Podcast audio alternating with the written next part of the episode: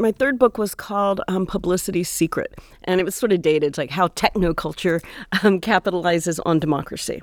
And that's where a lot of the initial, um, I was doing a lot of the work that becomes the sort of um, communicative capitalism idea.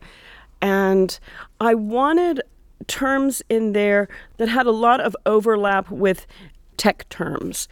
I mean, the thing is now I would say like, oh, you know, that was sort of a mistake because, you know, it's just like letting Silicon Valley ideology come in. But the way I was thinking about it at the time was infusing a critical sensibility into it so that the terms could be part of a critical vocabulary rather than just a Silicon Valley um, descriptive category or ideological category, right? That I could make them have, have this sort of uh, critical um, tendencies in them. So I was really conscious of that um, then. And then um, in my book, um, Democracy and Other Neoliberal Fantasies, I have a chapter, um, what is it called? Something like Evil's Political Habitats.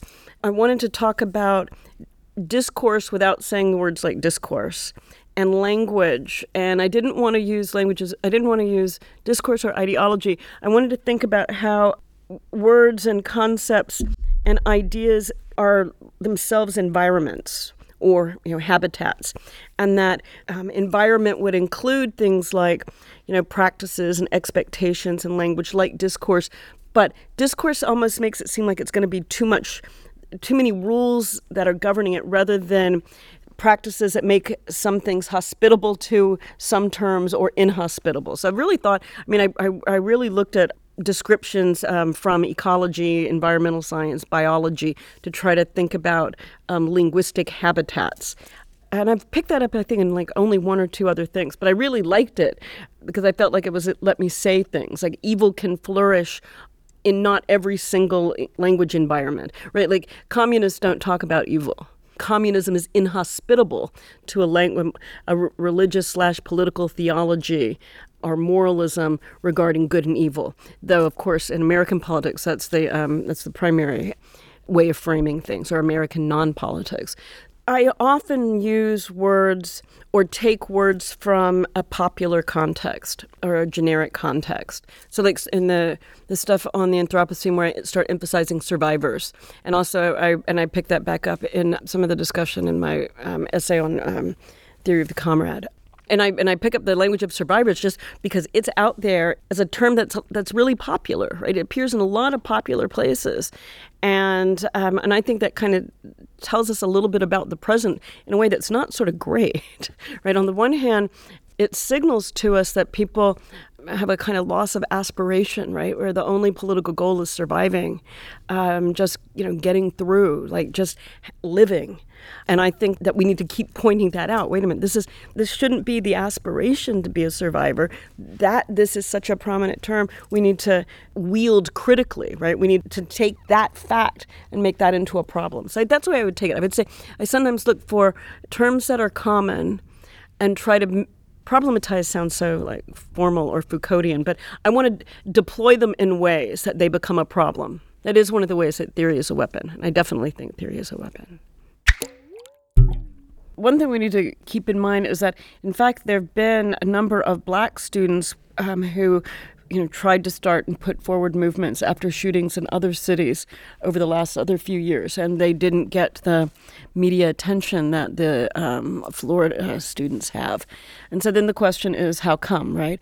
Is it because we have so many school shootings and so much violent death, and people really can't stand it anymore? You probably have seen the um, statistics like gun purchasing went up after Sandy Hook. Um, you know that was the where all the was elementary school another big shooter. There were more guns after that. You know fewer restrictions. I mean things they went the, exactly the opposite direction. So the question is why did this take and not the other ones? Were they did they have a better infrastructure around them? You know, there's a right wing conspiracy like um, that that the kids are actors and that it's only a bunch of left wing plans. That's like, but but it is it does make you think about um, the infrastructures and how it's possible that these kids were able to capture the imagination. Part of it is that people like the idea that the kids can lead us, follow the children, the children will save us. You know, all the adults are pathetic and corrupt and we're all failures, but we have hope in the future. And so I think there's this unfortunate kind of really saccharine underpinning of only a child shall lead us and that that's another response to a very constrained political situation where in fact actually getting legislation passed is very hard and why is it hard it's hard because the you know everybody who's elected refuses to actually pass decent um, gun control legislation. The thing that's also been um, interesting to me on this, and I. I think it's bad ultimately, but um, is the way that the current kids campaign has overlapped with and given energy to a boycotts of various companies and the um, push to have companies who have supported the NRA stop giving the NRA breaks. So, you know, it's the kind of thing where um, different um, companies would give the members of this group like discounts and stuff. So let's say airlines, um, Federal Express, Amazon, um, a bunch of banks, that kind of thing. And a whole bunch very quickly said, we will no longer give the NRA these supports. Federal Express, that's a um, carrier service, and um, like like the mail, you know, packaging and stuff. And Amazon said, screw you, we're going to keep doing whatever we want. We're going to remain allies with the NRA. And so people are trying to push boycotts on them. So one of the things that's interesting to me is like, God, is it weird that capitalist companies are now the force that the legislature can't like are they taking the place of of of government bodies right? If a government bodies if their government bodies are so um, stagnant and corrupt and incapable of action does that mean that companies now become the site of that kind of politics that we formerly put into the legislature? And if so aren't the repercussions of that actually really really terrible? I mean isn't that even more of a, cap, a more explicit capitalist control um, over us society if we can't if n- the political system is so bankrupt that only companies can act?